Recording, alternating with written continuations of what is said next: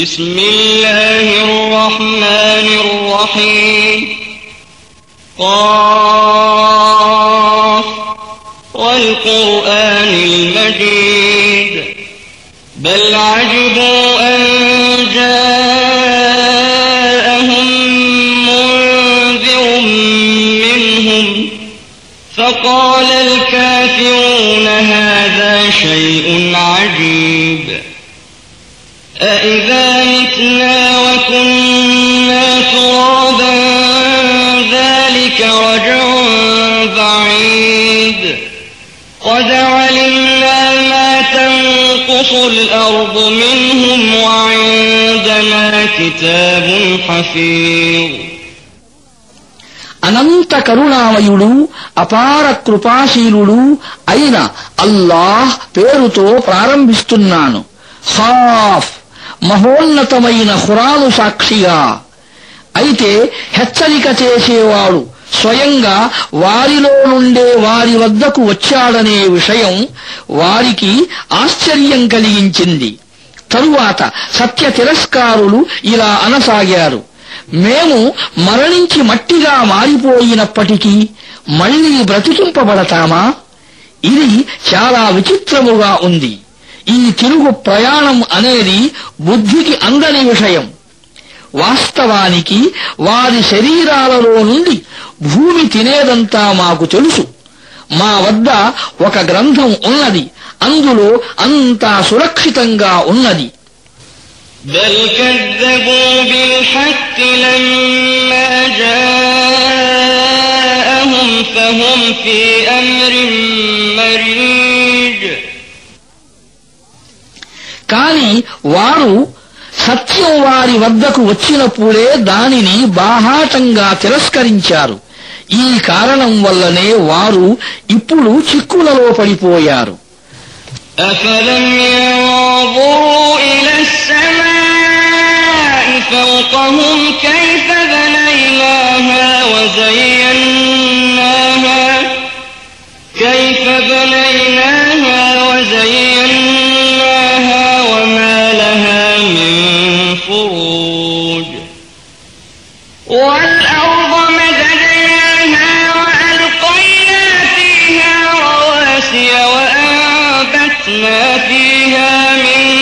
كل زوج بهيج. تبصرة وذكرى لكل عبد منيب. ونزلنا من السماء ماء مباركا فأنبتنا به جنات وحب الحصيد.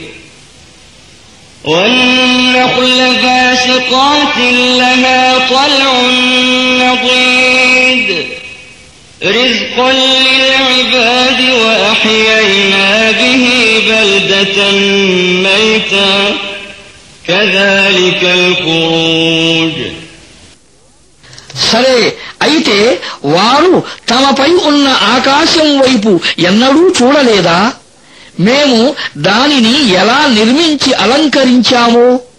అందులో ఎలాంటి పగుళ్ళు లేవు. మేము భూమిని పరిచాము.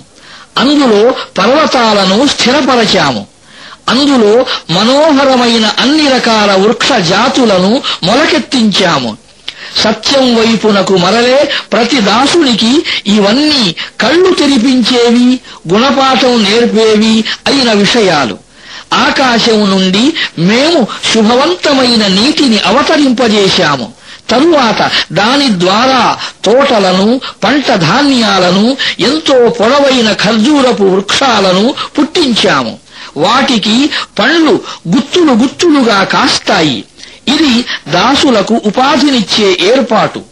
ఈ నీటితో మేము మృత భూమికి ప్రాణం పోస్తాము మరణించిన మానవులు భూమి నుండి లేవటం కూడా ఈ విధంగానే జరుగుతుంది كذبت قبلهم قوم نوح وأصحاب الرس وثمود وعاد وفرعون وإخوان لوط وأصحاب الأيكة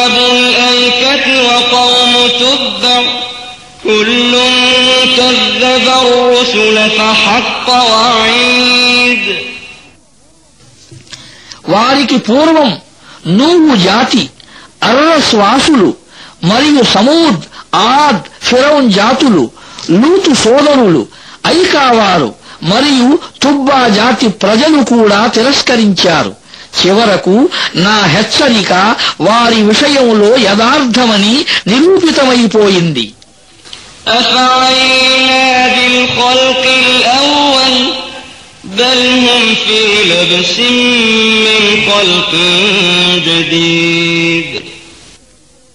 మొదటిసారి సృష్టితోనే మేము అశక్తులమైపోయామా? అయినా వారు కొత్త సృష్టిని గురించి అనుమానములో పడిపోయారు.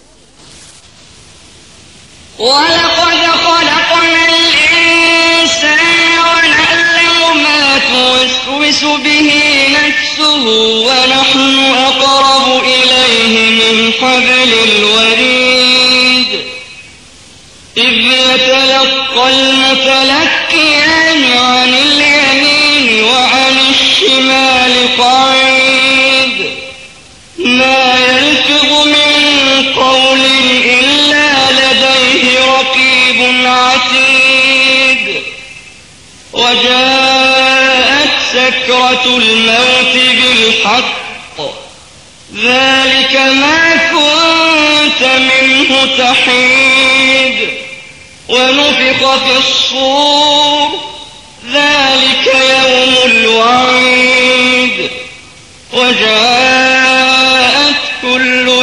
ثم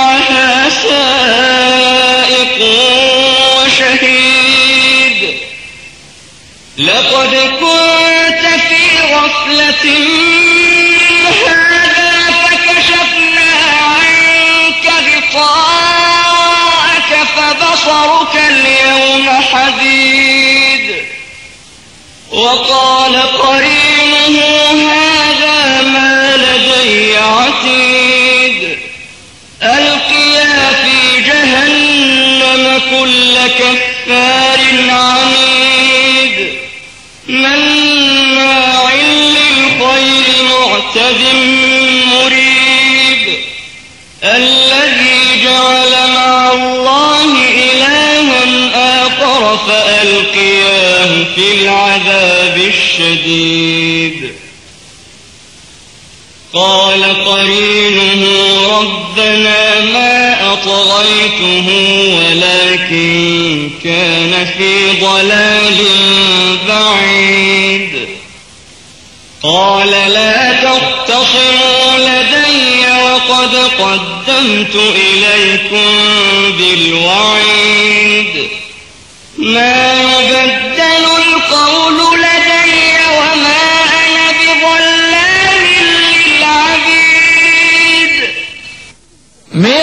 మానవుణ్ణి సృష్టించాము. అతని మనస్సులో మెదిలే ఊహలను సైతం మేము ఎరుగుదుము.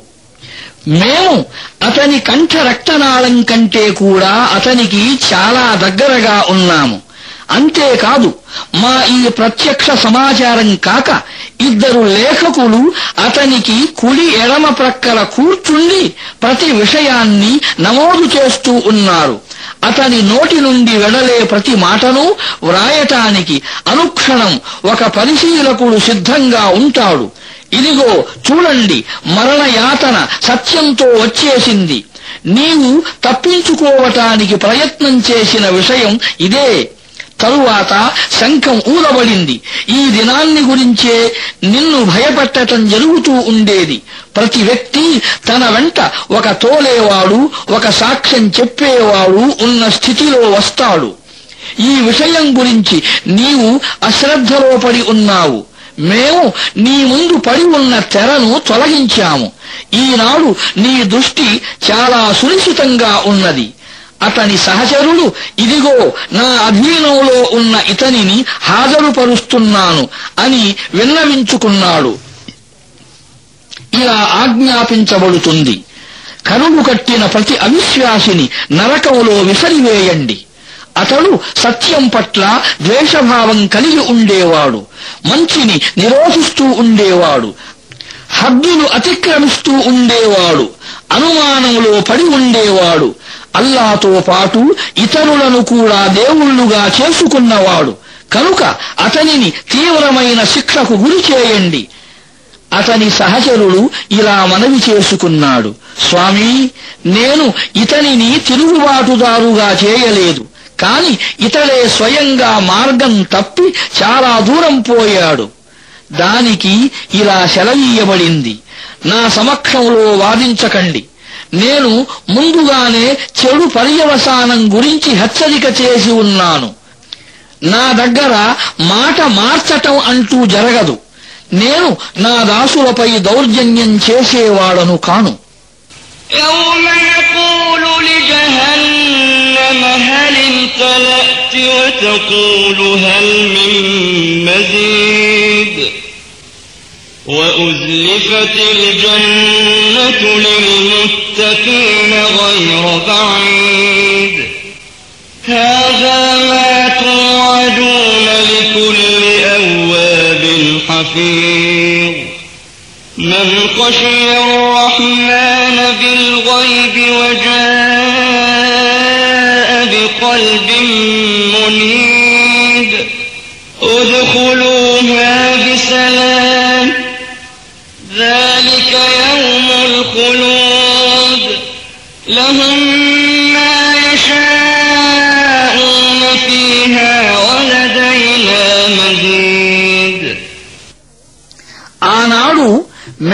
నరకాన్ని నీవు నిండిపోయావా అని అడిగినప్పుడు అది ఇంకేమైనా మిగిలి ఉందా అని అంటుంది. స్వర్గం భయభక్తులు కలవారికి చాలా దగ్గరగా తీసుకురాబడుతుంది. ఏమాత్రం దూరంగా ఉండదు. ఇంకా ఇలా సెలవీయబడుతుంది మీకు వాగ్దానం చేయబడుతూ ఉండిన విషయం ఇదే. ఎక్కువగా అల్లా వైపునకు మరలేవాడు. అల్లా హద్దులను పరిరక్షించేవాడు. చూడకుండానే కరుణామయుడికి భయపడేవాడు ఏకాగ్ర హృదయంతో వచ్చినవాడు అయిన ప్రతి వ్యక్తికి ఇది లభిస్తుంది. స్వర్గంలో ప్రవేశించండి శాంతి సౌభాగ్యాలతో. ఆ దినం శాశ్వత జీవిత దినం అవుతుంది. అక్కడ వారికి వారు కోరుకునేవన్నీ లభిస్తాయి. అవి కాక మా వద్ద వారికి ఇంకా ఎన్నో లభిస్తాయి. అత్యధికంగానూ లభిస్తాయి. وكم أهلكنا قبلهم من قرن هم أشد منهم بطشا فنقبوا في البلاد هل من محيص إن في ذلك لذكرى لمن كان له قلب أو ألقى السمع وهو شهيد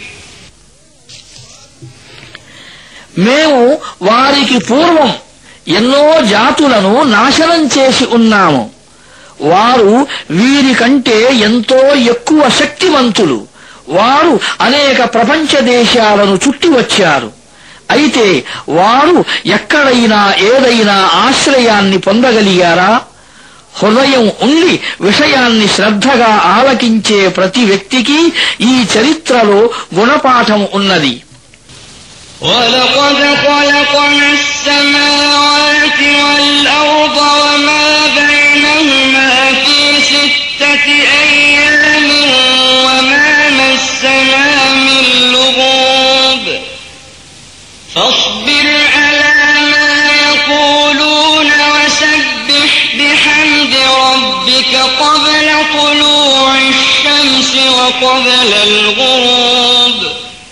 ومن الليل فسبحه وأدبار السجود మేము భూమిని ఆకాశాలను వాటి మధ్య ఉన్న సమస్త వస్తువులను ఆరు దినాలలో సృష్టించాము కాని మాకు ఎలాంటి అలసట కలగలేదు కనుక ప్రవక్త వారు కల్పిస్తున్న విషయాల పట్ల సహనం వహించు నీ ప్రభు స్తోత్రంతో పాటు ఆయన పవిత్ర నామాన్ని జపిస్తూ ఉండు సూర్యోదయానికి ముందు సూర్యాస్తమయానికి ముందు రాత్రి సమయంలో కూడా ఆయన పవిత్ర నామాన్ని జపించు సజదాలు చేయటం పూర్తి అయిన తరువాత కూడా واستمع يوم ينادي المناد من مكان قريب يوم يسمعون الصيحة بالحق ذلك يوم الخروج إنا نحن نحيي ونميت وإلينا المصير يوم تشقق الأرض عنهم سراعا ذلك حشر علينا يسير ఇంకా విను ఏ రోజు చాటింపు వేసేవాడు ప్రతి మనిషికి అతి దగ్గర నుండే కేక వేస్తాడో. ఏ రోజు ప్రజలందరూ హషర కేకను స్పష్టంగా వింటూ ఉంటారు. ఆ రోజు భూమి నుండి మృతులు బయల్పడే రోజు అవుతుంది. మేమే ప్రాణం పోస్తున్నాము. మేమే ప్రాణం తీస్తున్నాము. మా వైపునకే ఆనాడు అందరూ మరలి రావలసి ఉంటుంది. ఆనాడు భూమి బ్రద్దలవుతుంది. మానవులు దాని లోపల నుండి బయల్పడి తొందర తొందరగా పరుగెత్తుతూ ఉంటారు బ్రతికించి సమీకరించటం అనే ఈ విషయం మాకు ఎంతో తేలికైన పని نحن أعلم بما يقولون وما أنت عليهم بجبار فذكر بالقرآن من يخاف وعيد ప్రవక్త వారు కల్పిస్తున్న విషయాలు ఏమిటో మేము బాగా ఎరుగుదుము. వారి చేత బలవంతంగా విషయాన్ని ఒప్పించటం నీ పని కాదు. కనుక నీవు ఈ ఖురాను ద్వారా నా హెచ్చరికకు భయపడే ప్రతి వ్యక్తికి హితోపదేశం చెయ్యి.